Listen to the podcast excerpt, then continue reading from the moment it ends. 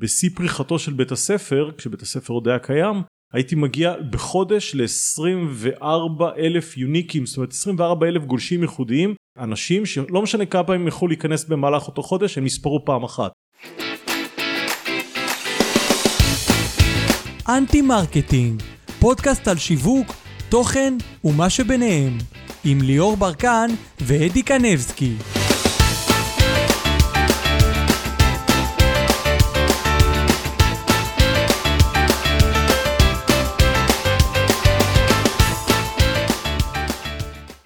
ברוכים הבאים לאנטימרקטינג, מהיום החלטנו להוסיף קונספט חדש לפודקאסט. במסגרת הזו, ליאור ואני נדבר מדי פעם אחד עם השני על נושאים שקשורים לשיווק ותוכן. בפרקים האלה, אנחנו נעסוק רק בנושאים שיש לנו ניסיון בהם. בפרק הזה למשל, אנחנו נדבר עם ליאור על איך קידם את בית הספר הישראלי ל-NLP באמצעות תוכן והפך אותו לבית הספר המוביל בישראל. מה המצב ליאור? הכל טוב אדי מה קורה? מעולה. מה אתה אומר על הקונספט החדש שלנו? מעניין ואני בטוח שאנשים יעופו על זה. יאללה. תגיד, אז איך קידמת את הבית ספר אה, באמצעות תוכן לאורך שנים רבות והפכת אותו לאחד מבתי הספר המובילים בישראל? בעיקר באמצעות תוכן, צריך להוסיף. בשביל זה אני צריך לקחת אותך טיפה בהיסטוריה לשנת 2006 אנחנו הקמנו את בית הספר ובאותה תקופה אף אחד לא ידע מה זה NLP כתחום היינו משהו כמו היו עוד ארבעה מתחרים גדולים חוץ מאיתנו נכנסנו להיות חדשים בשוק פחות או יותר עם עוד גוף אחד אנחנו ממש התחרנו איתו על להיות מספר 4 בשוק. Mm-hmm. עכשיו רוב מה שעשו באותה תקופה ב2006 כדי לשווק זה היה בעיקר פרסומות PPC פרסומות בגוגל כי פייסבוק עוד לא הייתה אז אה, או בצורה נפוצה בישראל ואמרנו אוקיי איך מתחילים אמרתי לי את הדיוק איך מתחילים כי זה התפקיד שלי בתוך העסק אמרתי אוקיי בוא נראה כבר מה עובד בכל מיני מקומות. והתחלתי לבדוק כל מיני גופים מה הם עושים כדי לשווק במיוחד כאלה שהם מאוד מצליחים כי קידום אתרים אני ידעתי לעשות ממש בקטנה אז עשיתי את זה לתוך האתר אבל זה לא הביא מספיק תנועה ולא ידעתי איך להביא אנשים אז הלכתי לראות אמרתי אם אני לא אמצא הרבה בישראל שעושים את מה שאני רוצה לעשות בצורה טובה בוא נראה איך עושים את זה בחו"ל איך עושים את זה בתחומים אחרים. כבר ידעת שאתה הולך לעשות קונטנט או שפשוט הלכת וחיפשת במקומות אחרים ואז אמרת או oh, זה מה שאני רוצה לעשות. תשמע יצרתי קונטנט במשך איזושהי תקופה אבל אף פעם לא חשבתי על זה בצורה המקצועית אף פעם לא חשבתי על זה בשיווק זאת אומרת הייתי מצייר קומיקסים יש שם איזה סיפור שלא נספר אותו כרגע כי, כי זה, זה, זה ארוך מדי אפילו להקלטה שלנו על איך כמעט מכרתי את הקומיקסים שלי לדיסי קומיקס אז, אז כן הייתי מצייר והייתי כותב והייתי יוצר תכנים זה אף פעם לא היה שיווקית זה אף פעם לא התחבר לי שיווקית כי כשרוב האנשים חושבים על פרסומת הם חושבים על פרסומת טלוויזיה הם חושבים על פרסומת בגוגל היום חושבים על רשתות חברתיות. Mm-hmm. ב-2006 אנשים לא חשבו על בוא נכתוב בלוג ב-2006 להזכיר לך מי שהיה כותב בלוגים זה או אנשים שהיו כותבים אה, בלוגים פרטיים אני והחיים שלי מה עשיתי לארוחת בוקר ומה עשיתי לארוחת צהריים איך התחלתי עם בנות איך אני בעבודה שלי וקצת מרמרת על החיים או טיפה לפילוסופיה. ועסקים שהיו כותבים בלוגים זה היה בעיקר אה, פוסטים טכניים. אה, מייקרוסופט מוציאים את הגרסה החדשה ל-C חברת אינטל מוציאה צ'יפ אה, שיש לו עוד ככה וככה לא, מה שיש בצ'יפים של, של אינטל. ואף אחד לא חשב לעשות את החיבור הזה. עכשיו באותה תקופה אני הסתכלתי הרבה על דברים בחול. השקות מוצרי מידע מה שהיו עושים ליצור עמודי נחיתה שמקבלים ספרון תמורת השארת מיילים זה משהו שלא היה נפוץ באותה תקופה היום כולם עושים את זה היום כבר את האמת מאוד נמאס מזה. אז אף אחד לא עשה את זה. אוקיי רגע אז אז באותו שלב בעצם החלטת שאתה רוצה לעשות קונטנט מה מכאן אתה מתחיל לעשות.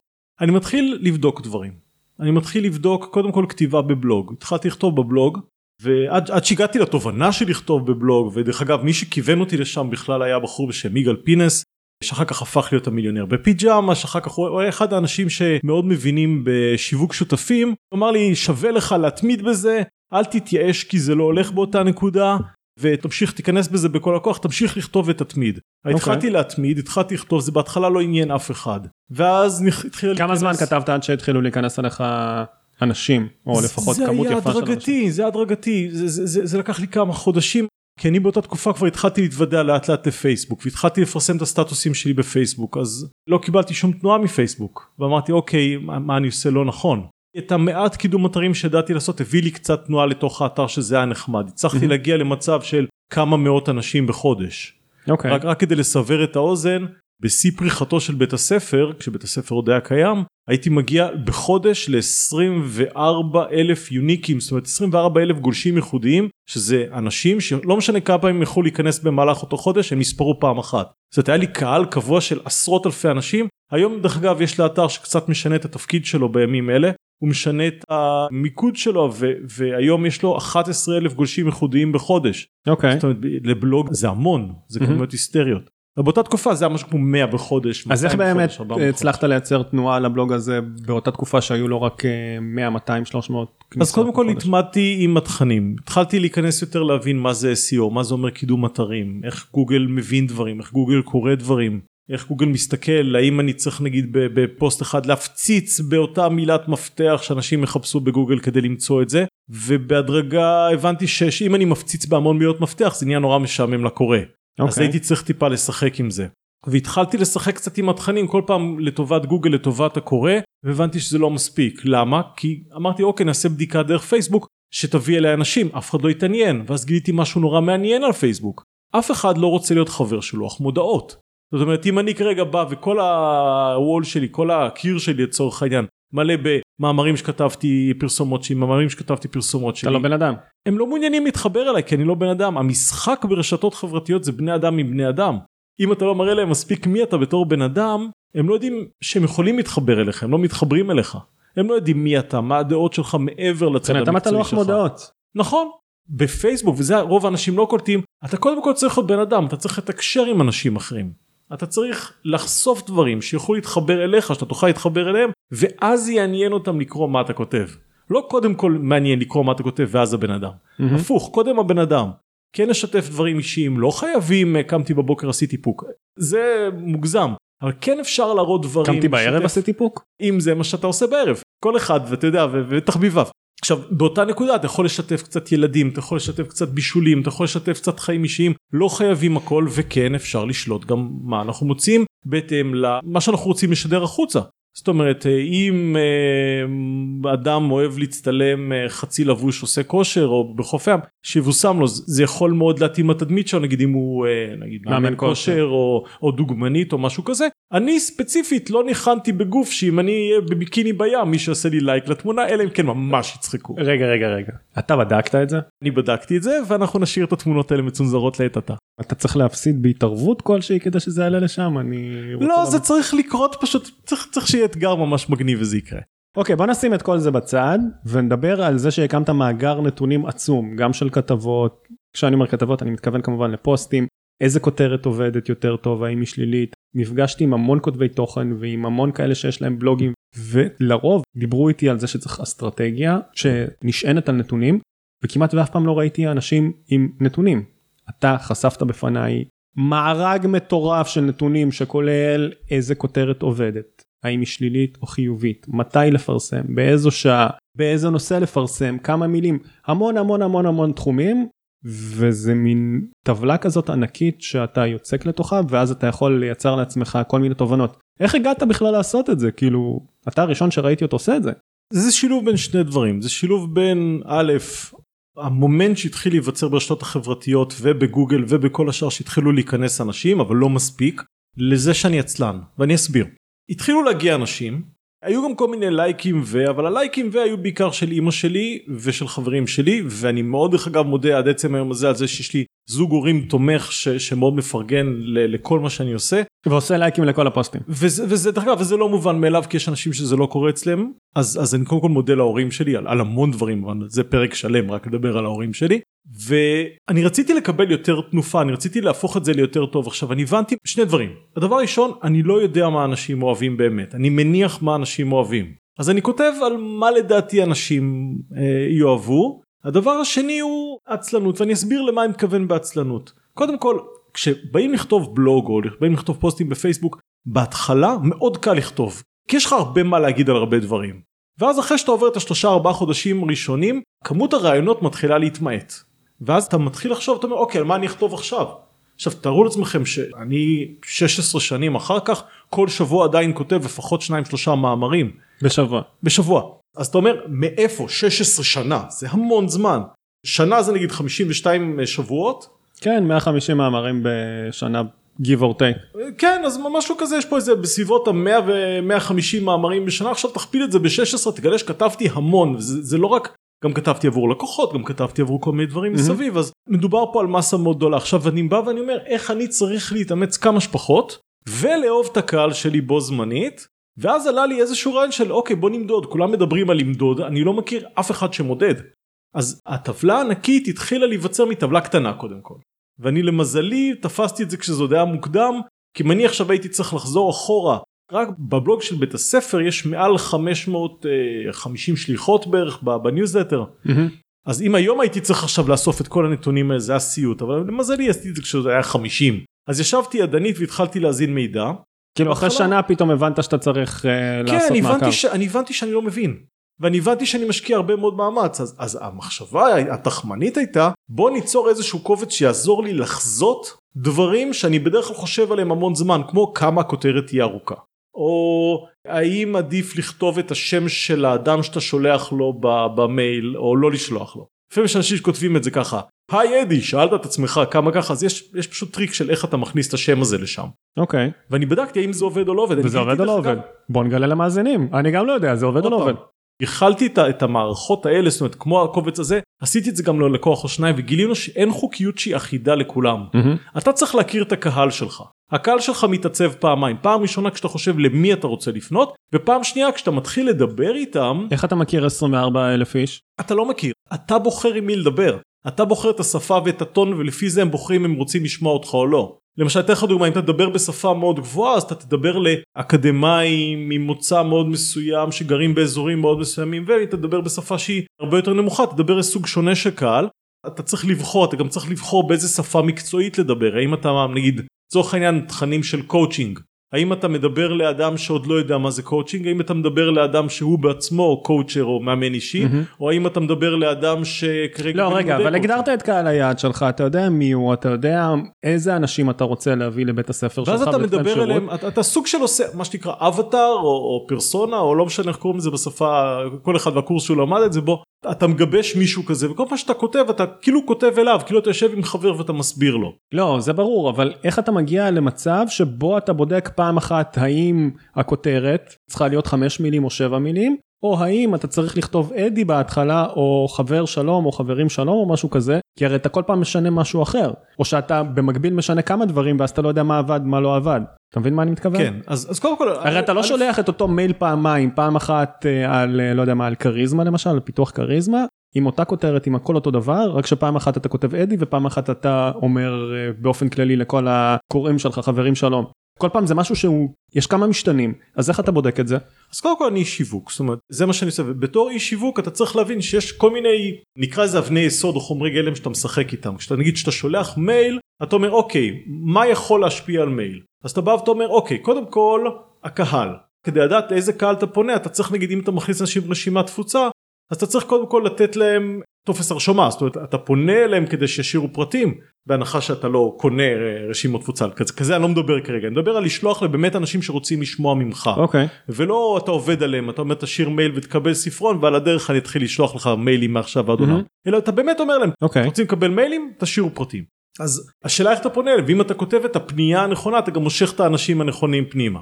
משכת אותם פנימה. אוקיי מעכשיו אתה מתחיל לבדוק. יש לך לבדוק אה, נגיד יום השליחה? איזה יום בשבוע? mm-hmm. איזה שעה אתה שולח? יש לך את הכותרת זה הדבר הראשון שהבן אדם פוגש ברגע שהוא מקבל את המייל. תפסה אותו הכותרת הוא נכנס לא תפסה אותו הכותרת הוא לא נכנס. יש פה זה יש פה זה עניין. נכנס פנימה. כמה ארוך צריך להיות המייל? האם צריכה להיות שם תמונה כן או לא או כמה תמונות מה המשפט teasing מה המשפט האחרון שאתה כותב לפני הקישור לאתר דרך אגב אתה צריך לשאול את עצמך אם אתה רוצה לשלוח את כל התוכן במייל או רק חלק מהתוכן ולינק לאתר. זה גם אתה יכול לבדוק באמצעות הטבלה הזאת. בדיוק אתה יכול לבדוק את זה באמצעות הטבלה הזאת ואז אתה יכול דרך אגב אתה יכול גם לבדוק מה עובד יותר טוב כותרת חיובית או כותרת שלילית. מה עובד יותר טוב? אנחנו נשאיר את השאלה הזאת לעוד מעט. אני מדבר קודם כל על, על הדברים שאפשר למדוד ואז אתה אומר אוקיי הכפתור ואז אתה אומר המאמר עצמו כמה מילים יש במאמר. אוקיי. Okay. אוקיי? ואז אתה יכול לבדוק איך הגיבו לו. זאת אומרת כמה אחוז פתחו כמה אחוז עברו מהמייל לאתר כמה אנשים הסירו את עצמם.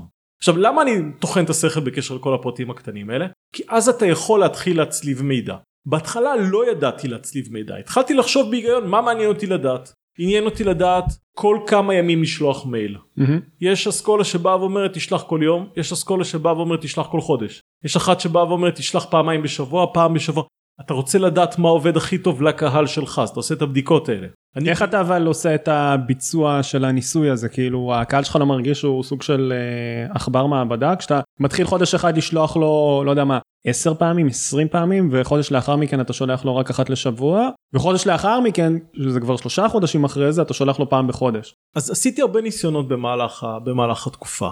התפיסה בשיווק שנקראת A-B split test, בדיקת A-B, באה ואומרת תעשה משהו ואז תעשה משהו, תבדוק אם זה עבד או זה עבד, תשחק, כל פעם תשנה משהו. לא סבבה. זה הבנתי אבל איך אתה עושה את זה בפועל מה אתה חודש אחד אתה שולח לו 10 לא עשרה מיילים ש- וחודש לאחר מכן רק שניים איך זה עובד. כל הזמן אנשים מצטרפים ואנשים יוצאים מרשימת תפוצה. אוקיי. המזל הגדול שלי שבגלל שאני לא מפתה אנשים לרשימת התפוצה אלא פשוט מזמין אותם. אני לא אומר להם אם תצטרפו תקבלו את, אני כותב להם אם תצטרפו תקבלו עדכון על המייל החדש שיוצא. אוקיי ואני עושה את זה כאילו בצורה הכי נקייה שיכולה להיות. זאת אומרת אנשים שבאים נכנסים מבקשים להצטרף הם צריכים לקבל מייל לקבל עוד פעם לחיצה הם צריכים לוודא שזה הם וזה בן אדם שבאמת רוצה לקבל ממני מייל. אוקיי? אגב יש פה גם עניין של אחרי כמה שנים למדתי שאני צריך לשלוח להם מייל בהצטרפות. דרך אגב אני ממליץ לאנשים כן להצטרף לרשימת התפוצה הזאת ולו רק כדי לראות איזה מייל הם מקבלים בהתחלה. הם מקבלים ממש מייל הזמנה שבא ואומר להם קודם כל לאן הגעתם? כל כמה זמן אני הולך לשלוח מייל? איך קוראים מייל הרבה יותר במהירות? ממש מקבל טיפ ראשון לסריקה מהירה לקריאה מהירה. ואני גם כותב שם שפעם בכמה זמן אני הולך לשלוח לכם פרסומת כי אני לא עובד בחינם אני כותב את המאמרים האלה לשם מטרה זאת אומרת אני שם את הכל על השולחן ואנשים נורא נורא נורא אוהבים את זה. את הכנות בעצם. את הכנות הם אוהבים את הכנות הם גם אוהבים שהטקסטים נכתבים בכנות ודי בגובה העיניים אני מאוד משתדל לא לכתוב גבוה מדי. תגיד מה הטעויות המרכזיות שעשית בבלוג שלך ומה אפשר ללמוד מהן? בכתיבה, בנושאים שבחרת, וואטאבר, תבחר אתה. טעות ראשונה זה למשל לכתוב בצורה שהיא מקצועית מדי. הרבה מאוד אנשי מקצוע ואני כחלק מהם בהתחלה אני כתבתי בצורה מאוד מקצועית אני דיברתי בשפה של NLP לא בטוח שזה עניין אנשים מהמם. כי הם לא הבינו. אני הבנתי ואתה יודע איך גיליתי דרך אגב שהם לא הבינו האנשים היחידים שהגיבו לי היו אנשים מתוך עולם ה-NLP. עכשיו אני הרי פונה בשיווק שלי למי שעוד לא יודע NLP ואני רוצה להזמין אותו ללמוד אז אני פספסתי אותם אני כאילו יריתי מעל הראש שלהם. כן, והחברים שלך, הקולגות למקצוע, מוחאים לך כפיים, אבל הם לא יבואו לשלם לך כסף כדי כן, ללמוד כי אצלך. הם מתחרים. אוקיי, או טעות שנייה. אנשים שכבר למדו. אז הטעות הראשונה באמת הייתה אה, לכתוב גבוה מדי או לא בגובה העיניים. הטעות השנייה הייתה לא להיות ממוקד מספיק בנושא אחד. מהשנייה שהתחלתי נגיד למדוד אני יצרתי איזושהי רשימה נוצר שם רשימה של 30 ומשהו נושאים אחרי בדיקה הצטמצמה ל-19 מהמם. ואז למדתי באמת כל פעם שאני כותב מייל אני כותב רק על נושא אחד. אוקיי, אני כותב על נושא אחד ותמיד העדיפות שלי היא לתת לך כלי פרקטי שתוכל להשתמש בו היום. אוקיי, לא משהו כללי אה, קואוצ'ינגי אה, רוחני שאם אתה תשים משהו מתחת לכרית אולי זה ישנה לך אלא משהו שאתה יכול להשתמש עכשיו ולגלות עכשיו. למה היו לך. גם אה, מאמרים שכתבת שהם היו כלליים והם פשוט לא עבדו? כן ובעיקר תן בהתחלה. לי דוגמה למאמר כללי ואל מול מאמר באותו נושא שהוא ספציפי. אתה יודע מה כל התמקדות בנושא ההצלחה ההצלחה זה נושא שהוא נורא מופשט איך לשפר את ההצלחה גם בכותרת מאוד קשה לפתות מישהו לקרוא משהו על הצלחה.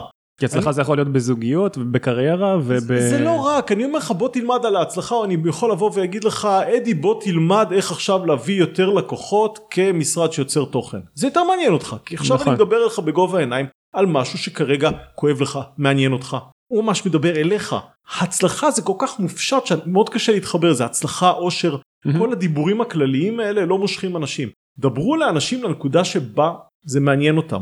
אוקיי. הדבר השלישי הוא למצוא את הנקודה האותנטית. עכשיו פה יש טריק, כולם אומרים לך אותנטי אותנטי אותנטי, אני מצאתי טריק לאותנטיות. זה טריק לאותנטיות שאתה תלמד את המאזינים ויהפכו כן, ללא כן, אותנטיים. כן. לא לא לא זה יהפוך להיות מאוד אותנטיים והסיבה שדרך אגב זה יהפוך את הטקסטים שלכם והדברים שאתם כותבים להרבה יותר אותנטיים זה כי הטריק הוא לא באמת טריק הוא טריק לעבוד עליכם כדי לשחרר אתכם מעצמכם ולגרום לכם להבין אנשים אחרים.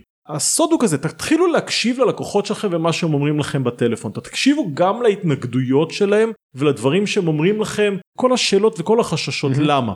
כשבן אדם נגיד בא אליי ורצה ללמוד שפת גוף למה באמת בן אדם בוא נשאל אותך בוא נשחק את המשחק בינינו שזה המשחק שאני הייתי עושה אצלי בראש. למה שבן אדם ירצה ללמוד שפת גוף? למה אני רוצה ללמוד שפת גוף? כדי לסגור טוב יותר אה, בעסקאות מכירה. אוקיי למה באמת אתה רוצה ללמוד שפת גוף אני כאילו נכנס עוד שלב פנימה.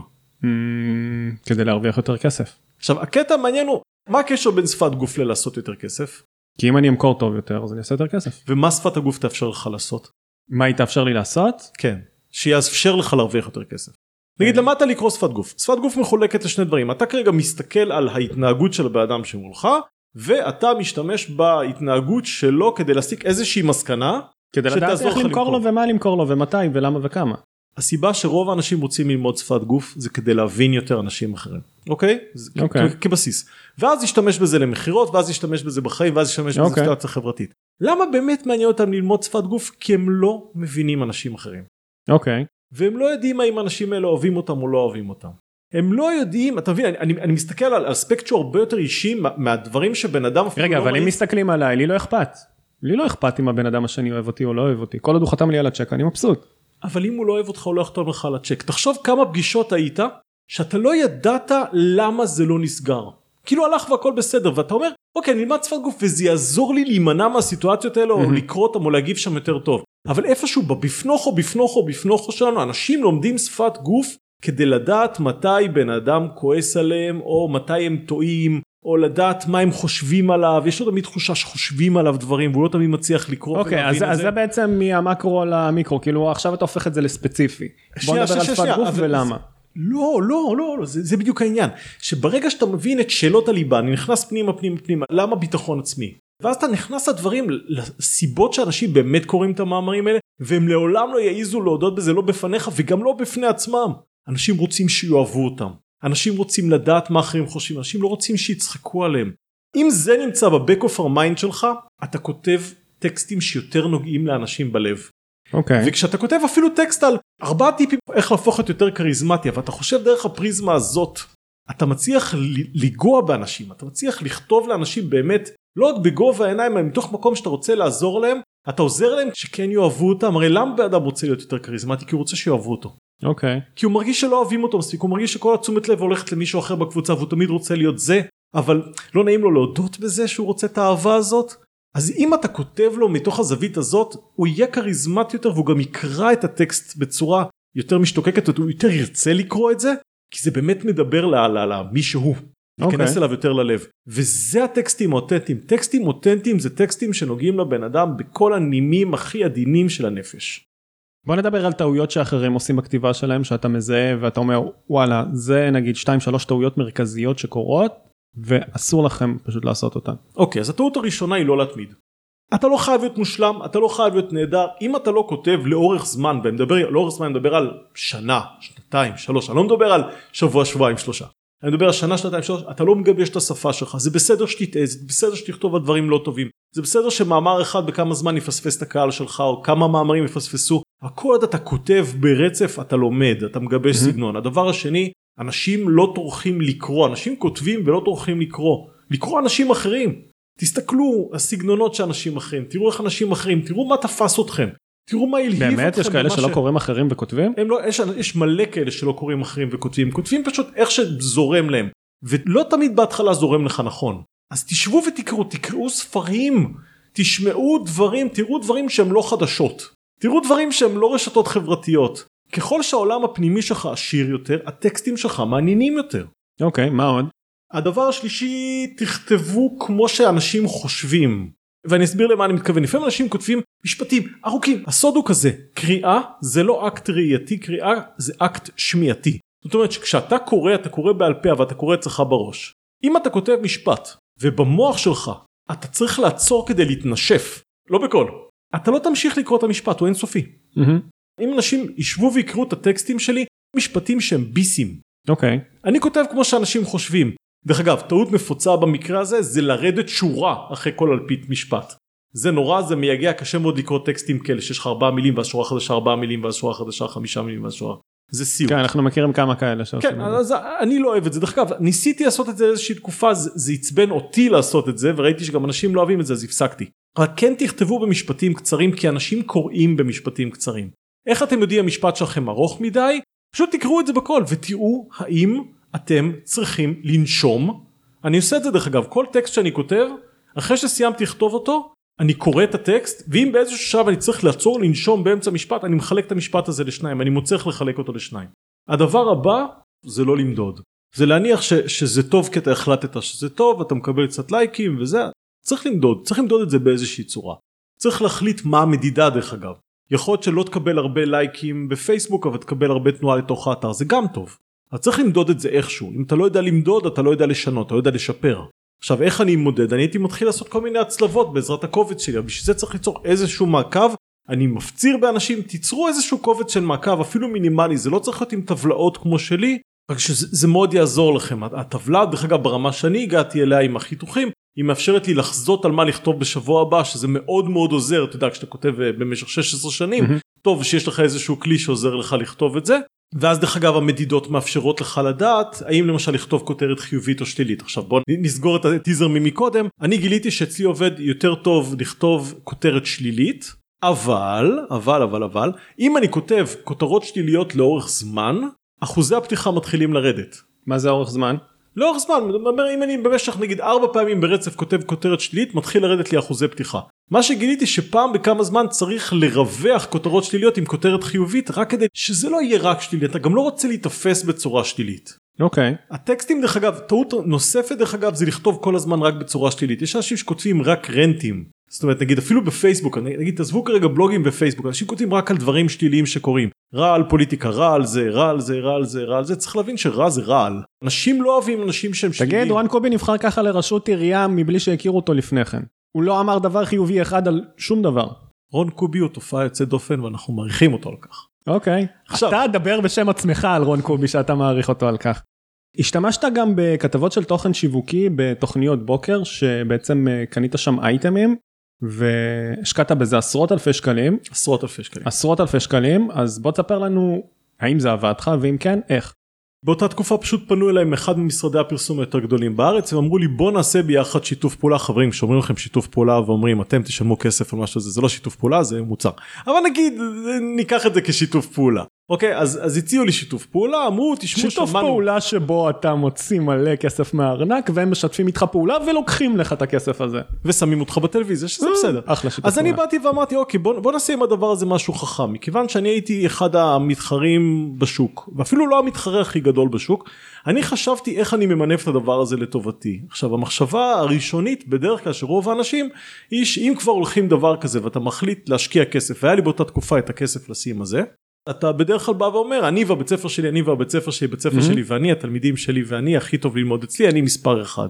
עשיתי משהו שהוא אחר התפיסה שלי הייתה אם אני מגדיל את כמות המכירות שלי אני כאילו מוריד מהמכירות של מישהו אחד כדי לקבל ואז המלחמה ממשיכה להיות קשה. מצד שני אם אני כרגע מפרגן ומגדיל את כל התחום של ה-NLP זה לא משנה כמה אחוזים אני תופס באותה תקופה אם נגיד תופס 10-15 אחוז יש הבדל בין 10-15 אחוז מ-100 אנשים שמחפשים קורסים בישראל ל-10-15 אחוז מ-10 אלפים איש. אתה, אתה, אתה נשאר באותם אחוזים אתה פשוט מקבל הרבה יותר אנשים. ומה שהחלטתי לעשות באותה נקודה זה להתחיל לעשות פרקים זאת אומרת לעשות היה לי פינות קבועות בתוכניות בוקר בערוץ 2 בערוץ 10 שהקדשתי אותם נטו ללחבר NLP לכל מיני תחומים ואז מה שעשיתי אני הגדלתי את התודעה הציבורית של אנשים ל-NLP ולא הגדלתי את, התודעה הציבורית של אנשים לבית ספר שלי אם כי בצורה עקיפה זה מה שנעשה כי אם אני מדבר ומסביר מה זה NLP בזוגיות NLP ברעיון עבודה mm-hmm. NLP במכירות NLP בכל מיני זוויות אז מן הסתם אם אני זה שמדבר על זה אז אני גם גדל מזה כי, כי לומדים שאני המומחה ל... כן כי uh, אתה מתמתג בתור זה שאחראי על הנושא הזה. רק שהיתרון הגדול הוא שבתפיסה הציבורית כשבן אדם בא ואומר אני אני אני אני אני הכי גדול אני הכי גדול הבית ספר שלי הכי גדול יש בזה גם איזשהו רמה של שחצנות שלפעמים קצת דוחה אנשים. אז בכלל לא דיברת על זה. במקום זה אז אני בא ואומר לאנשים מראה לאנשים איפה NLP יכול להיות פרקטי איך זה יכול להתחבר אליהם איך זה יכול להשיג אתה יודע מה להביא למצב שיש להם הרבה יותר זוגיות. ו... כאילו בעצם המשכת את הקונטנט שעשית בתוך הבלוג שלך והעברת אותו לטלוויזיה בתשלום.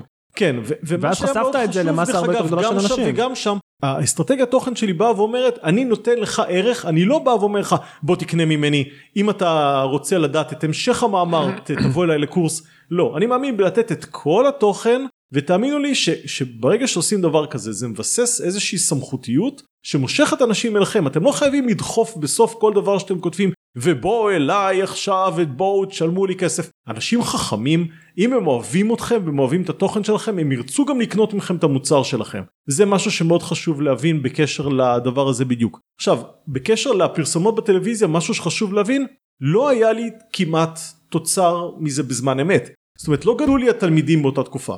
אוקיי. Okay. זה נכון שבאותה תקופה נגיד שדיברתי על NLP וזוגיות אז פנו אליי לקואוצ'ינג בנושא של זוגיות אז עשיתי את זה למשך תקופונת וזה לא היה עצום אבל תוכן כזה שנשאר אונליין אחר כך ואתם שמתם את זה וזה נמצא גם בארכיון של ערוץ אה, ערוץ טלוויזיה שבו זה התפרסם זה צובר פזם. עכשיו אם באים ואומרים הוא היה גם בטלוויזיה היה גם ברדיו אה, היה לי גם כתבות בעיתונים זה מתחיל להצטבר לאורך זמן זה כבר מוניטין. Mm-hmm. כי זה לא שאתה כותב אני טוב וכולם יודעים לך שאתה ראיינו אותך בטלוויזיה כן זה פתאום לאורך זמן נהיה כאילו מקור סמכות. אז זה עבד לך. זה עבד וגם מינף את התחום.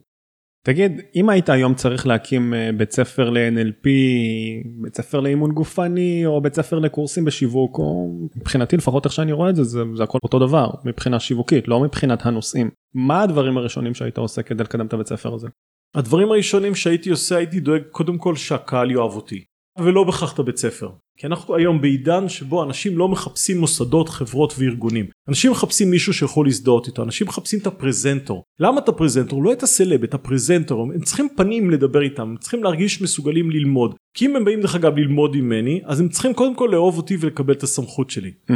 עכשיו כדי ליצור את הסמכות הזאת אני הייתי מתחיל מווידאו. זאת אומרת אני התחלתי בזמנו מטקסטים כי היה לי יותר קל לכתוב אז דרך אגב כל אחד עם מה שנוח לו אם לבן אדם יותר קל לכתוב אז שיכתוב אם לבן אדם יותר קל לעשות צילומים על צילומים ווידאו ואם לבן אדם נורא קל לערוך ולעשות או פודקאסט או פודקאסטים כמובן כמובן כמובן תתחילו מאיפה שנוח לכם ותמצאו את המקום שנוח לכם ותייצרו תוכן שאנשים יוכלו לצרוך תדאגו להיות במקומות תדאגו שיראיינו אתכם תדאגו שתהיה איזושהי תנועה תהיה איזה סיבה לדבר עליכם. אוקיי, okay, אוקיי? מה עוד? שיטתיות שיטתיות בכל דבר שאתם עושים. השיטה דרך אגב היא מאוד פשוטה. ברגע שאתם עושים משהו אחד מאותו רגע תתחילו למדוד אותו. מאותו רגע תתחילו לתעד. למשל כל פעם שאני מקים עסק אז כל מסמך חדש שאני מכין הופך להיות תבנית המסמכים הבאים שיהיו אחריו. זה חוסך מלא מלא מלא מלא בתוך ההתנהלות עצמה. הדבר השלישי הייתי דואג לעשות כמה שיותר שיתופי פעולה עם מתחרים. משהו שלא כל כך עשיתי בתחילת דרכי וזה היה טעות שאני מבכה עליה. הייתי צריך לעשות יותר שיתופי פעולה עם המתחרים שלי מהסיבה הפשוטה שאנשים לא באמת גוזלים אחד לשני פרנסה. צריך להבין שאחד ועוד אחד יכול להיות שלוש. הקהל שלו שהוא קצת שונה יכול להיחשף אליך הקהל שלך יכול להיחשף אליו אנשים יכולים לקנות מיותר ממקום אחד אולי לא בו זמנית אבל לאורך זמן הייתי דואג למנף את המוניטין שלי להרים כמה שיותר לאנשים אחרים זה דבר שאחר כך למדתי לעשות וזה עשה לי טוב מאוד שיתופי פעולה זה משהו שהוא מאוד מאוד מאוד עוצמתי בתוך אה, הקמה של משהו חדש. תמצאו דרך אגב גם אנשים שמציעים שירותים משלימים לאלה שלכם. Mm-hmm. אם אתה הולך עכשיו להקים בית ספר לשיווק תחפש מישהו שיש לו בית ספר לצילום. הגיוני. תתחבר איתו השיווק והצילום עובד טוב ביחד. שיווק וכתיבה שיווק ומשהו תמצא איזה דרך להתחבר. אינסטלציה. אה, אינסטלציה פחות אולי אבל אה, אתה יודע. איך היה לך בכיסא של המרואיין הפעם? אה, זה היה מאוד מאוד מעניין אני מאוד נהנה להתראיין אני כבר לא עשיתי את זה כבר איזה תקופונת והיה כיף גדול. יאללה תענוג אני מקווה שמאוד נהניתם מהפרק הזה יש פה לא מעט תובנות על כל מה שקשור בתוכן בשיווק ונחזיר אליך אל הנאום הקבוע שלך של סיכום פרק. טוב אז הפרק שלי היה פרק נהדר אני מאוד נהניתי כן. תודה רבה לעצמי שהגעתי. אמ, בגדול זה היה כיף אנחנו צריכים לעשות את זה יותר. ומעבר לזה בקרוב תשמעו גם את הרעיון שלי עם מדי שהולך להיות הרבה יותר מעניין. וכרגיל אם יש לכם שאלות לשאול כדי שאנחנו נענה תכתבו אותם מתחת לכל מקום שבו פרסמנו את הפרק הזה. או לחלופין אם יש לכם אנשים שהייתם רוצים לשמוע שהם לא אני אני אבכה על זה. ובכל זאת תכתבו אותם אה, למטה ונשמח לראיין גם אותם יאללה חברים שיהיה לכם יום מעולה. תודה רבה שהאזנתם. מוזמנים לשמוע אותנו גם בספוטיפיי, אפל פודקאסט, גוגל פודקאסט ובכל אפליקציות ההסכתים. אפשר גם למצוא אותנו ופרטים נוספים על סוכנות השיווק שלנו באתר antimarketing.co.il.